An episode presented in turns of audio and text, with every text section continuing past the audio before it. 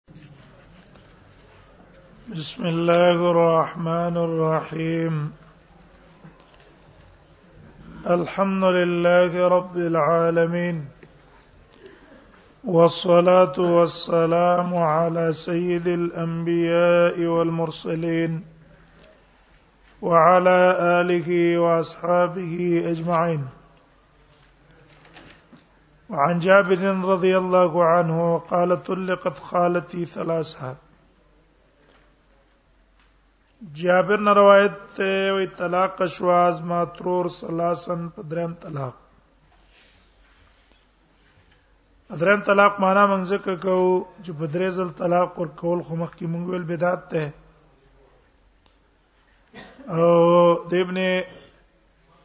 تیمیه رحم الله قول مون پیش کړو چې چرته په حدیثو کې دا نه دي ثابت چې د نبی سلام په زمانہ کې چا درې طلاق په یو ځل ور کړی او نبی صلی الله علیه وسلم په حساب کړی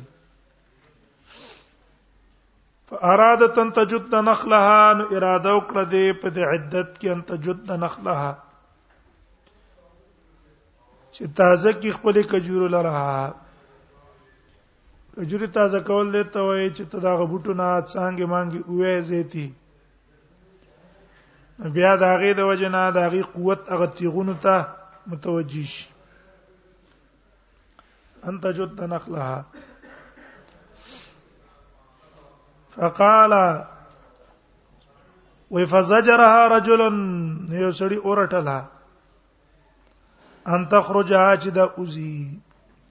ویرټلا منع کړه دینه چې ګورت بار ته بنوزي ځکه په عدت کې بار ته تل نه دی پکار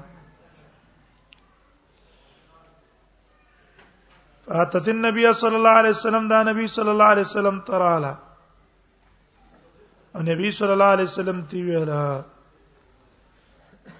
فقال نبی صلی الله علیه وسلم تل بلا فجد نخلك ولنا وتشي فجد دې نخله کې تازه ک خپل کجورو لرا ولې کجوري څه کا تازه کا منا قلمي کا انه عسان تصدقي ځکه نږدې ده ته به داغه نه صدقه وکي او تفعلی معروفا یا به وکي معروفا نه کوي کار لرا دا چې دا کجوري وکړي ډېرې کجوري به وشي چې ډېرې وشوي صدقه به ته ورکې یا به بل نه کوي کار کې دا مصرف کې نه دا معلوم شو چې یو کار کې خدای پیدا کار کوا چې تعالی پیدا منفعت ډیر راشي چې ستاسو کې څه پیدا شي پیدا خود لو کی کړه خدا ګور هغه وخت کې چې اوقات په بند نه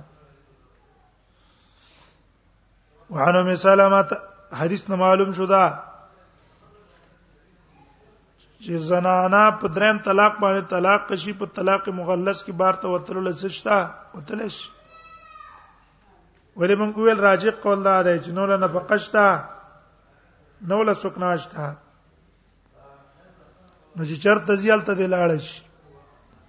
ولیکن به ضرورت او بار ګرځي نه وعن المسور ابن مخرمه ان سبيات الاسلاميه نفست د مسور ابن مخرمه روایت ده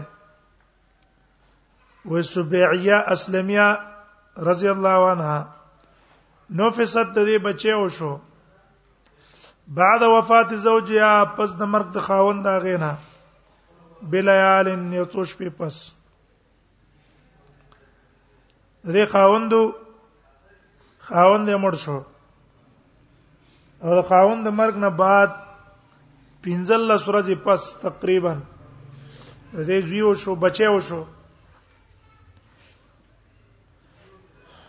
فجاءت النبي صلى الله عليه وسلم نبی صلی الله علیه وسلم تراله اے د الله نبی زما پنځل سورځي پس بچې مې شوه ده نو زب اي عدت څلور مې شل سورځي پوره کومه او کنا په وجه د حمل باندې د عدت نو وترم فاستاذنته نبی صلی الله علیه وسلم نه اجازه طلب کړه په دې کې چې ځنی کا کولای شم د چا څخه کنه فاذن لها نبی صلی الله علیه وسلم غي اجازه وکړه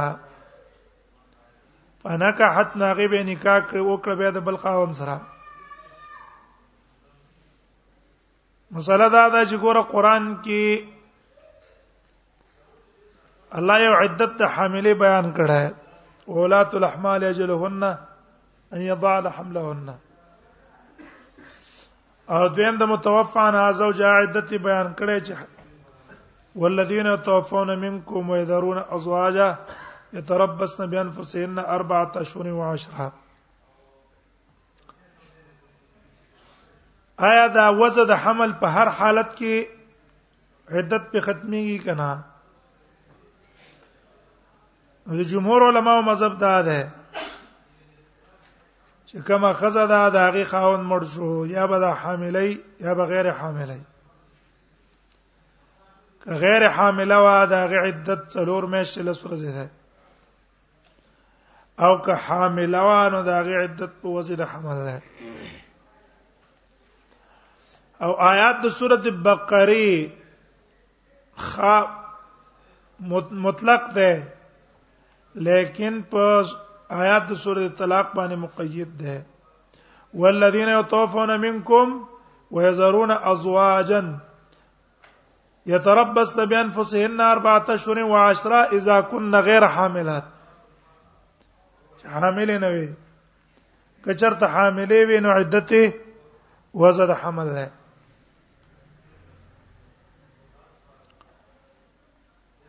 او په دې حدیث باندې مستدلال کړی چې ګوره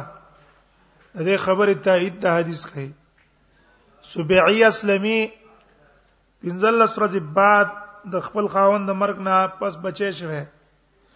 او نبی صلی الله علیه وسلم ته اجازه د نکاح کړه چې څنګه یوازې د حمل شو د پاک شو نکاح کول شي ها نفاس کې وتی نه راه ده څو پر چې پاک شي ویني نور نکاح صحیح ده دویم قول د علی رضی الله عنه د زید ابن ثابت نه نقل لای چې هغه قائل د ابعد الاجلین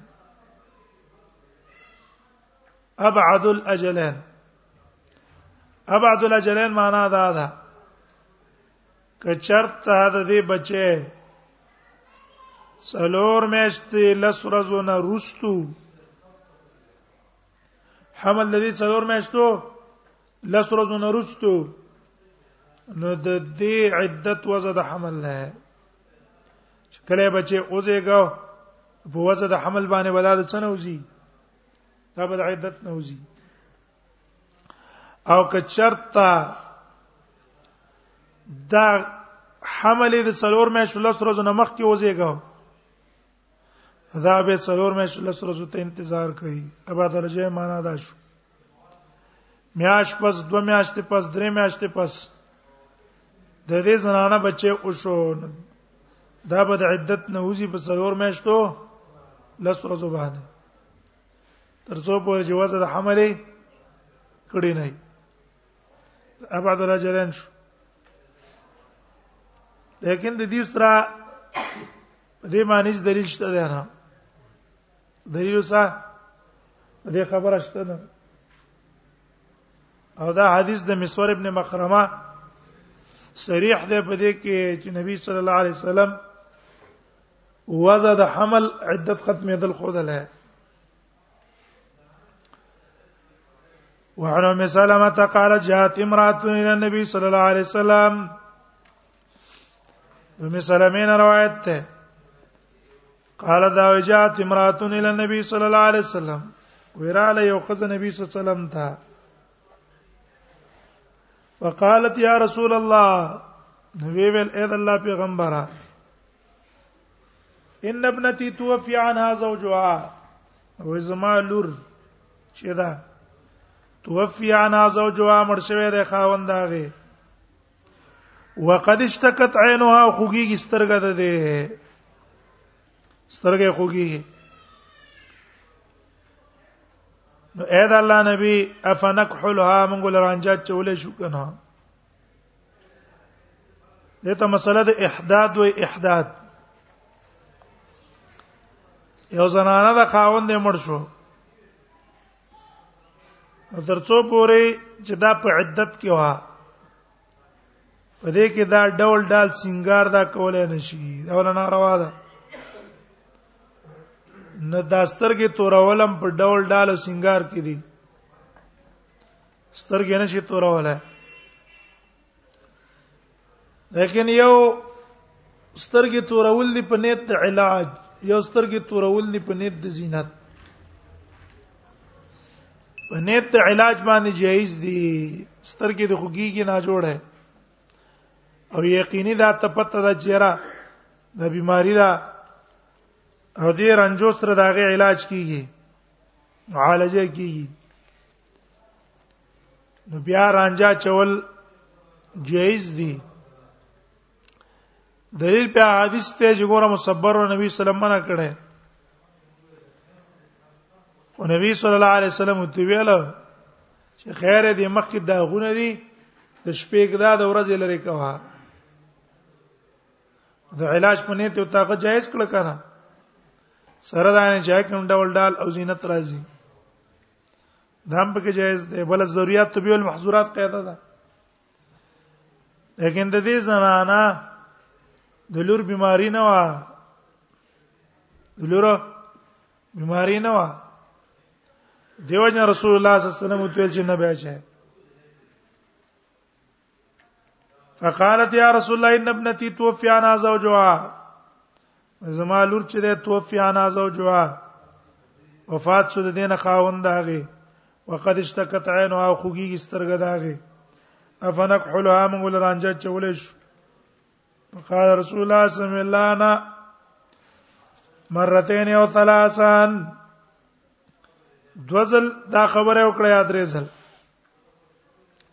دې خزي وته ویاله کل ذالک یقول لها هر ځل به نبی سم په جواب کې ویل چې نه ثم قال به نبی سم وته ویاله انما هي یقینا د عدت هي کې زمير چا تراجه ده د احداث او عدت انما هي دا احداد او عدت اربعه شونه و عشرات څلور مې چې ولس ورځې دي ډېر وخونه ده څلور مې چې لس ورځې زر تیریږي غوروي د جاهلیت په زمانه کې هم سخت سخت کارونه کول څه خبره نه و اوس په اسلام کې معمولی خبره د هغه منل ته تیار نه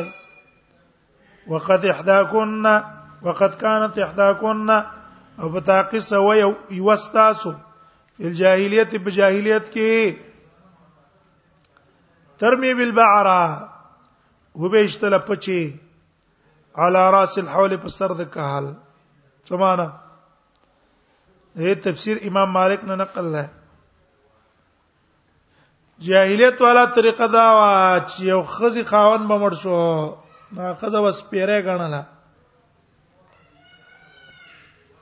خراب جامې به واچولې یو ور کوټه کوټه نه به پای کې بناستا په دې کې به نه سر ګمنځاو نه به ځان نه دغه لري کول خيري لري کول هم پاګه ځي کې وناستا چې کال به پوره شو نو بیا برا اوتلا او پچی به ول پلاس کې ور کړې هغه به د کور کې وشیندل او دا غې نه بعد به سورلې او ترا واستل شو او هغه سورلې پورې به ځان اومګلو نو عادت ته مشرکانو داو او عقیده داوا چې دا خزه په کومه سورلې پورې ځان اومږي بس هغه بمړ کیږي استداغه د زعم مطابق په الله غ څکړه مړ بیا کړه دغه بل متاتهم واباهم قران کې دي کنه الله کار لتا کو د دې د ګمان مطابق دې سره هم دغه څه کار وکړه بیا به دا غنه پس به خې جامې واچوله اوس به به مرزي خو خوا وې ګوره په زمانه د جاهلیت کې به یو کال تیرا یو کال نوم چا سره ملاوي دی نه به کې ناشتي او باغ تنگ کوټه کې بناس وای هغه ته تیار وای وزه ته صرف اسلام وای چې ډول مکه نور لمبل هم شي هر څه کولای شي ډول ډال زینت باندې کې او زدید ته تیار نه یې رب درانجو لکم سترګې مې خوږیږي باندې ولا لټوي دا ما کوي کنه تاسو ته باندې خټیر سہولت راغې ډیر کرته سره وای پدای کې وای بریتو و پاغه لین کې وای خبر ذکرونه بم کوي عبادت بم کوي صدقات او نفقات بم ور کوي او چې بیا د سې عقیدې طرف تراشي ست په کې ناراستی پیدا شي نو لکه ولې دا جاهلیت کې کول نه پدې کې خو خکا وکړه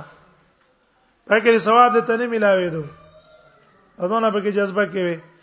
اوس تاجرم په ملاويږي ثواب ته ملاويږي اوس پکې سسته اوس پکې سستی مکوا نو ترمي بالبعره على راس الحول متفق عليه اشتلو به بالبعره هغه په چا على راس الحول په سر د کال متفق عليه وعن ام حبيبه وزينب بنت جحش عن رسول الله صلى الله عليه وسلم دم حبيبي او زينب بنت جحش ته روایت ده هغه رسول الله صلی الله عليه وسلم روایت کوي قال وي نبی صلی الله عليه وسلم فرمایي لا يحل لامراه تؤمن بالله واليوم الاخر حلال لې د پاره دی یو خزي چې ایمان راوړي په الله او پر ورځ رستنه ان تحد علی میتن چې دا دی غم خکار کی په یو مړی احداث څه ته ویل کی ترک الزینا ډول پر خستل غم خکار کول په یو مړی الا علی زوج فوق ثلاث ليال د درې شپونه بارا الا علی زوج مگر په خاوند باندې کولای شي اربعه اشهر و عشره څلور میاشتې ولس ورځې هغه ترک زینت کولای شي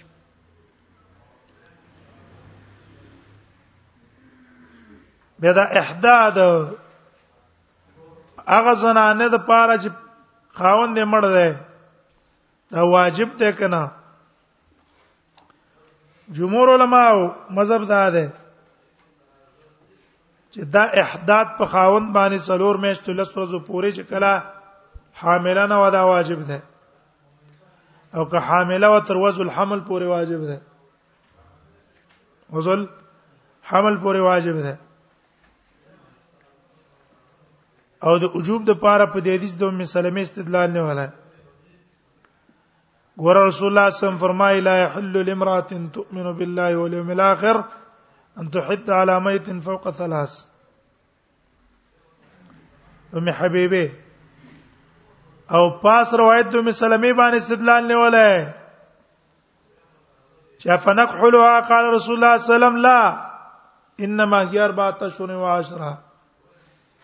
هغه اجازه وختره نبی سم اجازه نه ورکړي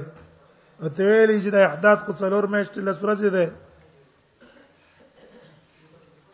دا دلایل دي د وجوب دوی مذهب د حسن بصری ده حسن بصری وای دا احداد واجب نه ده که کومه خزه دا احداد اونکړو ګناګار نه ده دلیل په حدیث ته د عبد الله ابن شداد انس نه روایت ده انس نه اسماء بنت عمیس نه عبد الله ابن شداد روایت ته اسماء بنت عمیس قالت دخل علي رسول الله صلى الله عليه وسلم اليوم الثالث من قتل جعفر وی نبی صلی الله علیه وسلم ما باندې په درې مورز باندې راغې د مرګ د جعفر جعفر شهید شو موته کې په درې مورز باندې راغې فقال لا تحدي بعد يومك هذا ما ته وی چې دی ورځ نه برستو غوړه غم نه کار کوي وګوره د حدیث کې څه کړه دا دا احداث نه منع کړي روایت امام احمد راوړی او ابن حبان راوړی لیکن راجی قول په دې باندې دا ده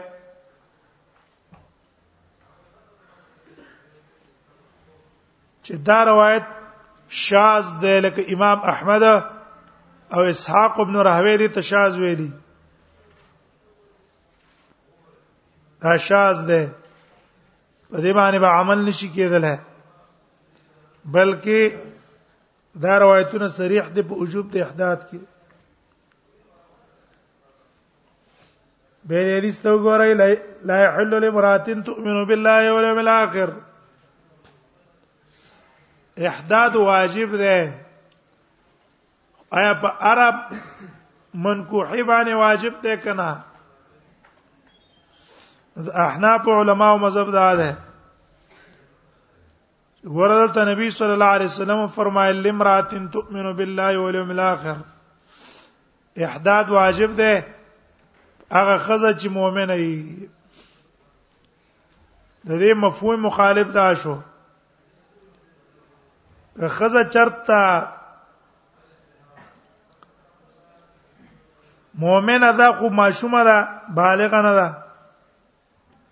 باغی احداد نشته وی وجه دا دا چې لا لا حل لامراه تؤمن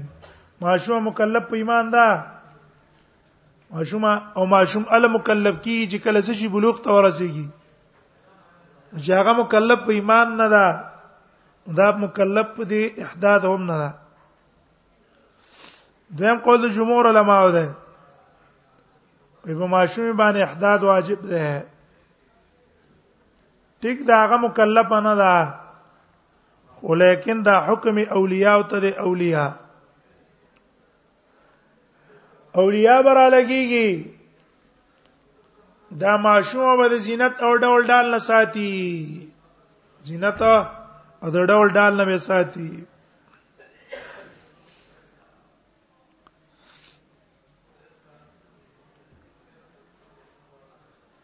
دویم تؤمن بالله او دویم جمهور دا وایي چې ګوره حقوقها فی النکاح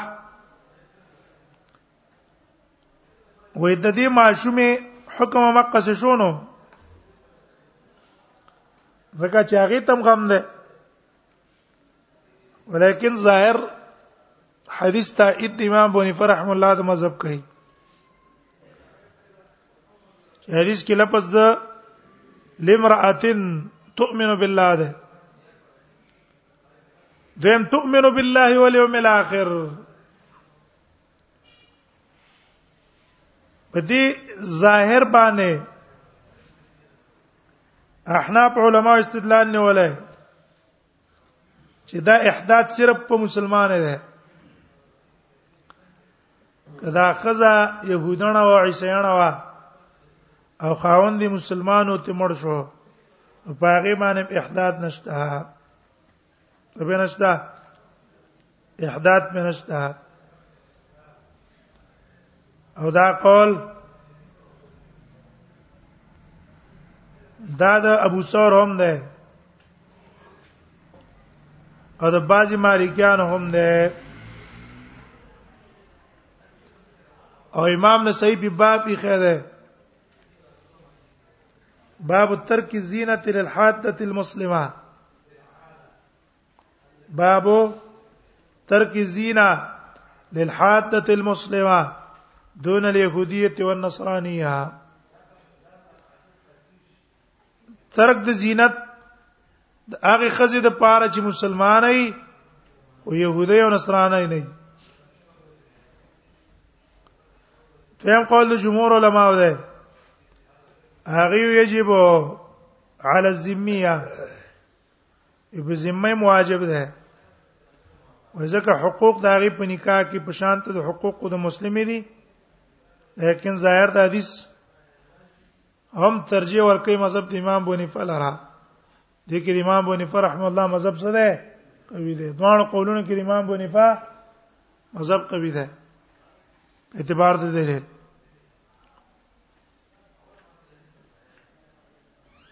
ان تحد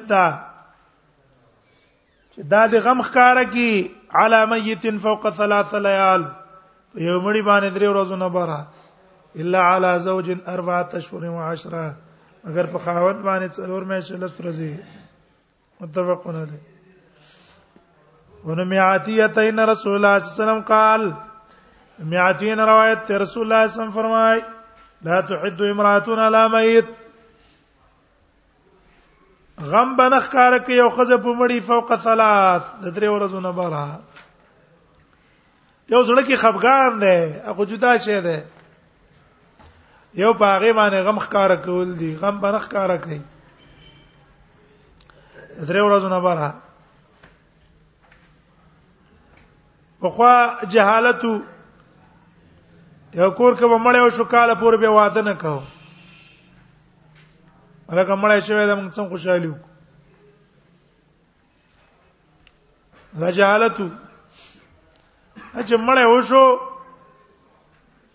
بس دا دنیا له څوک بمړ کیږي څوک په پیدا کیږي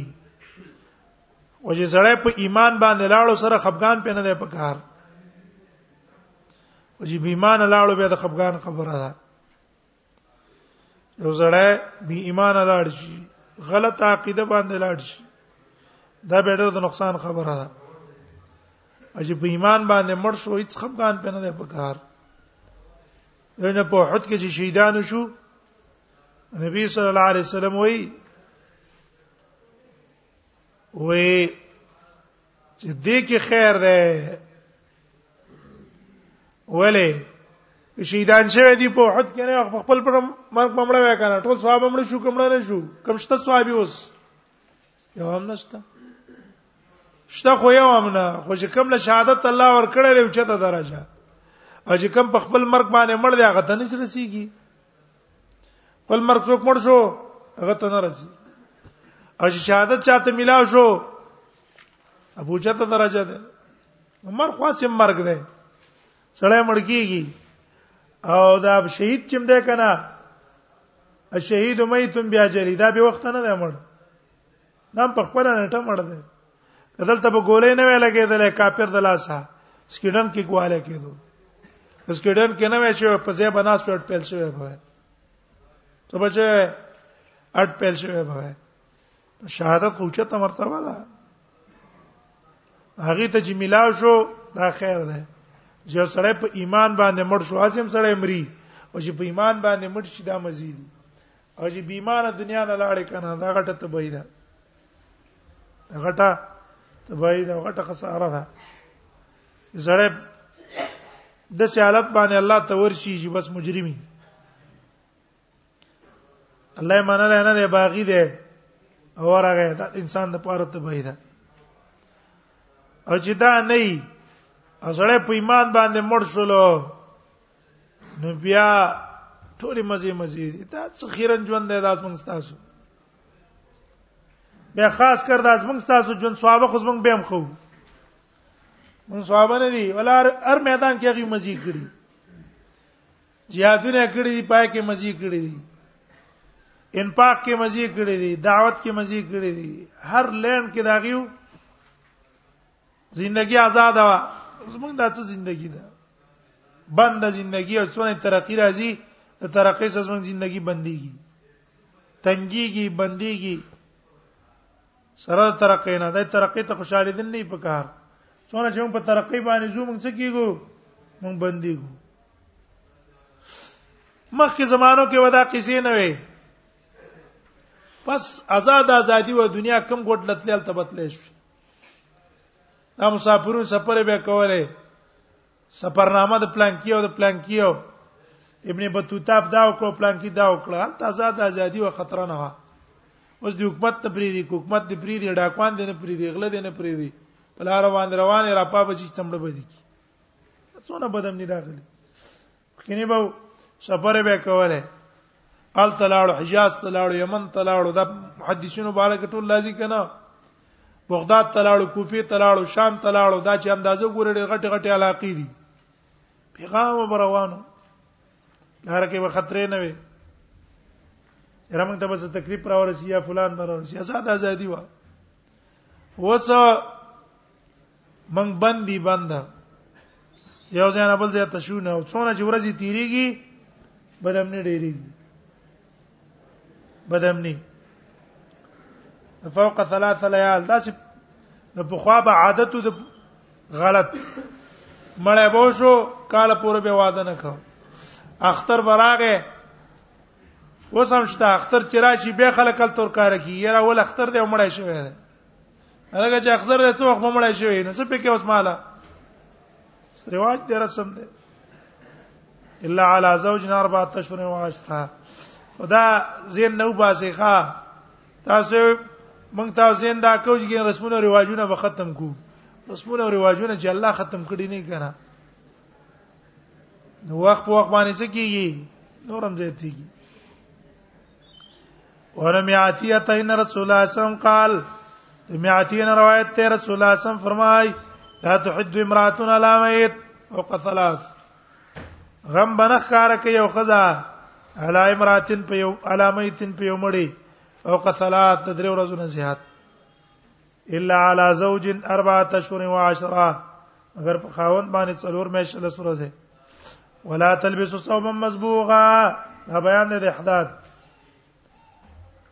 احداد دا دی چې ولا تلبس نبا چې دا ثوبا جامه مسبوغا رنگ کړی شوی رنگ کړی شوی جامه بنا شي الا ثوب عصب ها مگر صوب عصب صوب عصب چې کومه ده دا د کارخانه نه رنگل راځي هغه به تار به رنگ کړی شوی او رنگینه تار په پس کې ولګېدو هغه کې ولګېدو اوس دی واکه مثلا څو بيڅ ده کارخانه والا کپړه راغله د پاک رنگونه لګېدلې دی هغه چول شي وجدار چې کارخانه رنگ اګي زینت او ډول څوک نه کنا او که تا خپل ګلکارې ورکړې دا څل دې ورکړه خپل مرزي باندې ګلکارې لور کړه دا رنگ په اوخه جوا بیا بغنا شي ولا تکتحل ورانجب هم نه لګي ولا تمس طيبها او خوشبو هم په ځان نه لګي زعفران سرخی پودر دا په ولا تمس طيبن کې ده دا شینه په ځان باندې نه لګي الا اذا طهرت ها که پاک شوا نبذه من قسط او اصفار لګول شي لقون ته کې عیسا د قسط او د اصفارونه معنی حیض نه زنانه پاک شي د حیض اني بدبوئی زایل کول د پاره کله کونت کې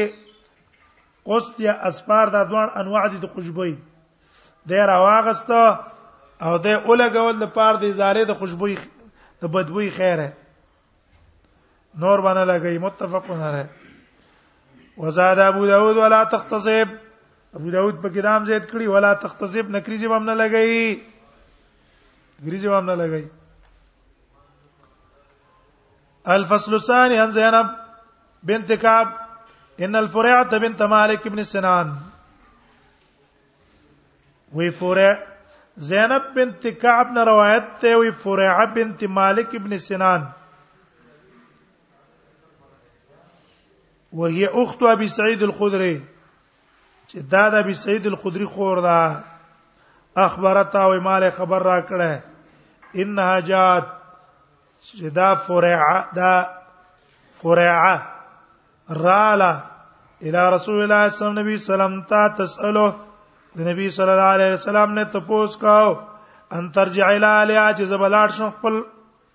لارنې کوړتا الى علیا خپل اهل ته د پلار کورې ده فی بنی خضرا په بنی خضراو کې اذا الله نبی کستا اجازه ای زبا د پلار کور ته لاړ شم ولی فإن زوجها زکه خاوند دی خرج دا وتلو فی طلب اعبد الله طلب د غلامانو د دکی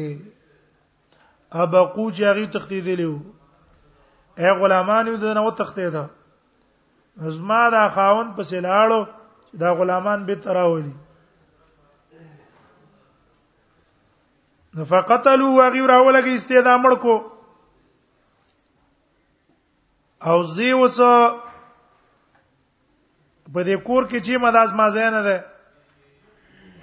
قالت دا وای فسالت رسول الله صلی الله علیه وسلم ما د نبی صلی الله علیه وسلم ته پوښتنه کو ان ارجع الى اهلي جز بلاړ شم خپل اهل ته فان زوجي زکه زما خاون لم يتركني في منزل نیمه پرې خزه په یو کور کې هم لیکو چې د مالکی اون مال څنګه دا کړه ذکر کې نیمه پرې خزه د مالک ده ولا نفقه او نه ما ته خرچه پرې کړه بس پلار کور کې به دی راما قال الدواي قال رسول الله صلى الله عليه وسلم تو نه ما او صحیح ده فانصرفت زلالم زلالم وجه کله لالم وی بیت نبی صلی الله علیه وسلم خبر راولې کو حتا اذا كنت في الحجره تر دې چې لا کوټه کې ومه او په مسجد یا په جمعات کې ومه د نبی صلی الله علیه وسلم کو کورون ته دروازې جمعات نه ورغلې وکړه وی جمعات تر وته لمه او یا لا په کوټه کې ومه تعانی ویره غختلم فقال ما تولم کوتی فی بیت کې وخت تر کا خپل کور کې حتا یبلغ الكتاب اجلا تر دې چې ورسیږي هغه نه عدت اجل خپل نیټه ته قال فاعتدت فی 14 شهور و 10 سرور مې 14 ورځې عدت می تیر کو د ظاهر د حدیث باندې عمر رضی الله عنه عثمان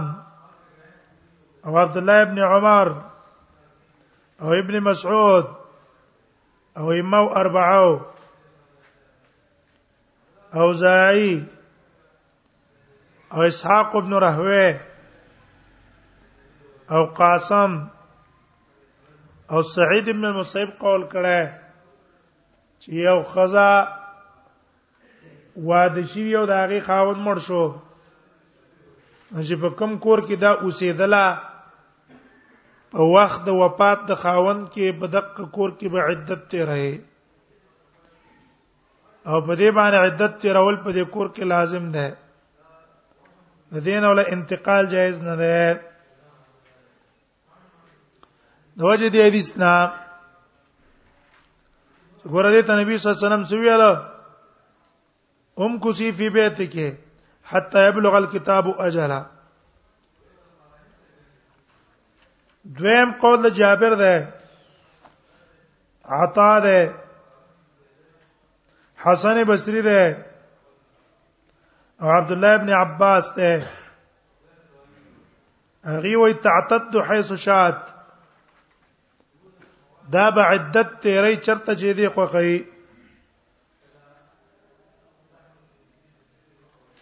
خوخه ده چې چرته وخت تیر کول ته تیر کی او دا قول نقل له عائشه رضی الله عنها او علي ابن ابي طالب نه او طاووس نه عمر ابن عبد العزيز نه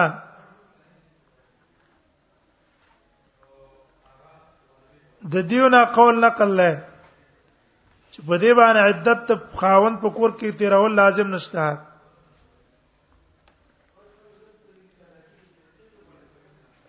چې اخ اخذ کړه دی به اثر ابن عباس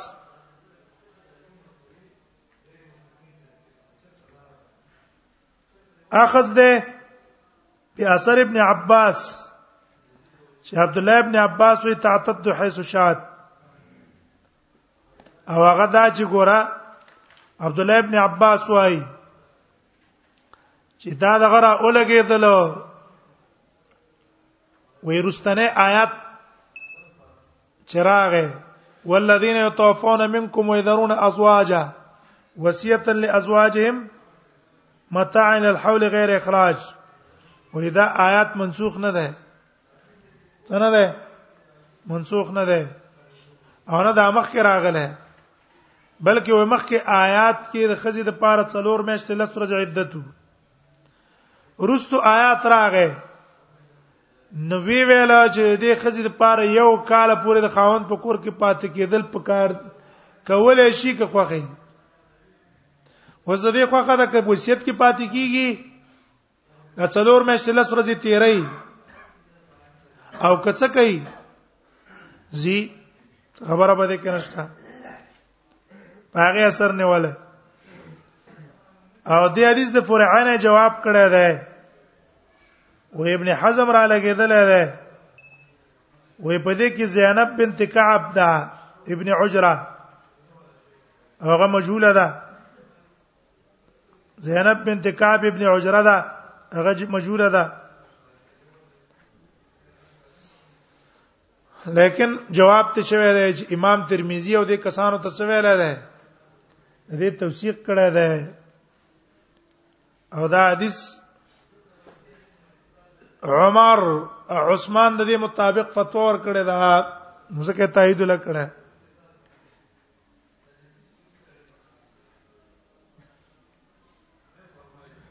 رواه مالک والترمذي وابو داود والنسائي وابن ماجه والدارمي عن ام سلمة قالت دخل علي رسول الله صلى الله عليه وسلم حين توفي ابو سلمة وراغه په ما باندې رسول الله صلی الله علیه وسلم کړه چې ابو سلمہ مړو قد جعلت علی صبرا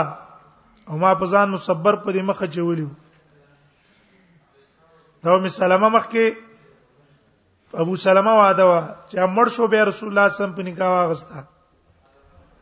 قال ما تول ما ذا يوم سلمہ دا چې دی ام سلمہ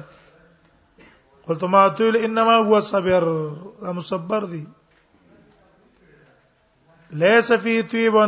په دې کې خوشبو نشته قال نبی سمته انه یشب الوجه دا تازکیم رنگ لرا اجو مخ را کاږي کنه مخ کې چرا ولی تازگی پیدا کوي سرخی پودر په انکار کوي فلا تجلی الا بالليل نبی ګرځي مگر د شپې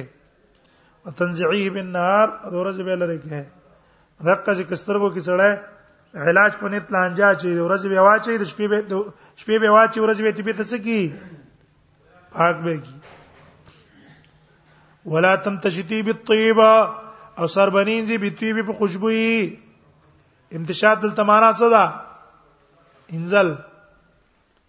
ولا غیبا وبو کې دا شي نه واچو سر به پینځلو ولا بالحنا نه په نکریزو نکریز پاڼې بم پکې نه اچي فإنه خضاب زکه دام پس کې داخل له خضاب کې قلت ما تل به شینم تشت یا رسول الله نو بس شی باندې بسرین زمه د الله پیغمبر سر په څوین زما قال نبی صاحب الصدر په بیرو تغلف تغلف تغلفی تغلفینه تغلفینه به راسه کې انځي په پاګې باندې خپل سر غلاب په جوړ کې د نکریزو مانه دغه به اول په سر کې واچې په څه باندې په دې بیر وبو باندې ابو راپوس کی به په نور وبو وینځي کنه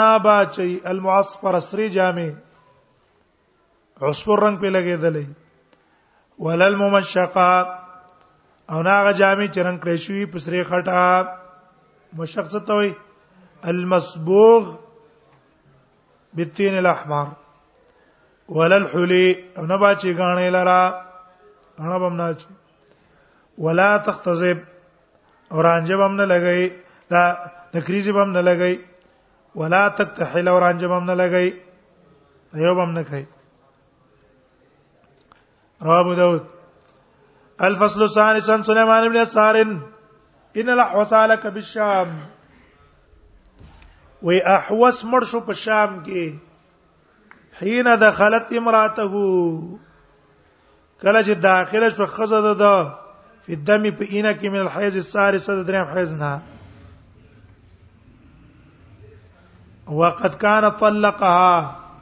او د طلاق کړي و د خپل خزاها هي مثلا صورت دا ده احوس را اولګې دو خزه طلاق کړه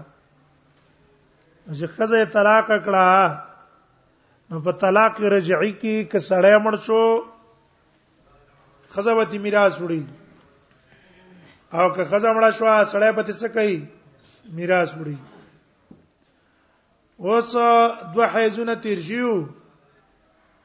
او چې څنګه دریم حیز شروع شو لا ختم شوه نو چې په دې کې ست دا خاوند نه مړ شو نو اوس آیا په دې حیز باندې دا د مینکانه وته ده کنه دا وتلې نو معاویه رضی الله عنه ته خط لیکلو فكتب معاویه ابن ابي سفيان الى زيد بن ثابت معاويه بن ابي سفيان زيد بن ثابت ته خط ولېګلو يساله عن ذلك چې دا غنه دي بارک ته پوس کاو فكتب الى زيد زيد ته خط ولېګلو انها اذا دخلت کله چې دا داخله شو په اینه کې من الحیزه الثالثه فقد برئت منه وبرئ منها دا خزه د دې خاوند نه بری شو پردای شو دا خاوند د دې نه بری شو لا يرسوا ولا ترسوا نبتی میراث وړي دا خزه د دا سړی د خزه نه او ولا ترسوا نبت دا خزه میراث وړي د نه خدا د زید ابن ثابت رایا ده احناف علما او د حنابلہ رایا ده او دا د نورو رایم ده چې دا بد عدت نه کلوزی درې حیزه پوره شي کنه ثلاثه قرو قرو کم یو ده حیز دا لا قره پوره شوی دا دا پوره شوی دا غي د رائے مطابق که په دې دریم حیز کې سړی سړی مړ شو نو خزه او خاوند به یو بل میراث مړي او دا خزه به څه کوي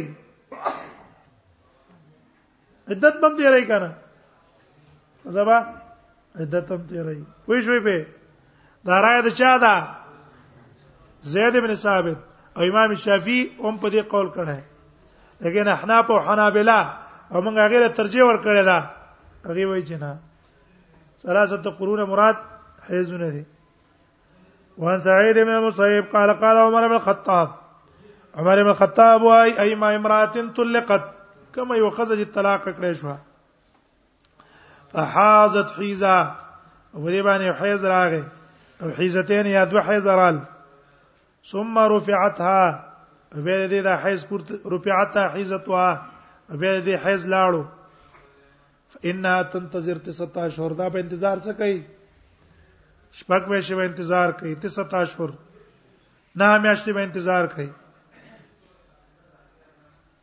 ولی فإن بان بها حمل صبر به کې کې دې چې حاملې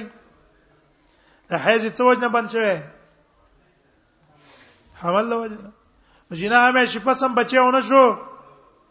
فإن بان بها حمل که حمل قاره شو ازاک بس ټیک شو وزه د حمل عدت شو والا اعتدت بعد تسعه اشهر کنه دې دینه او میاش نرست بعدت تیرې درې میاشتې ولې دا حکم دا ایسي شو کنه شو اوس موږ ته پته ولګی چې دا څوک ده عائشه ده او عائشه به کوم عدت تیرې درې مشت باب الاستبراء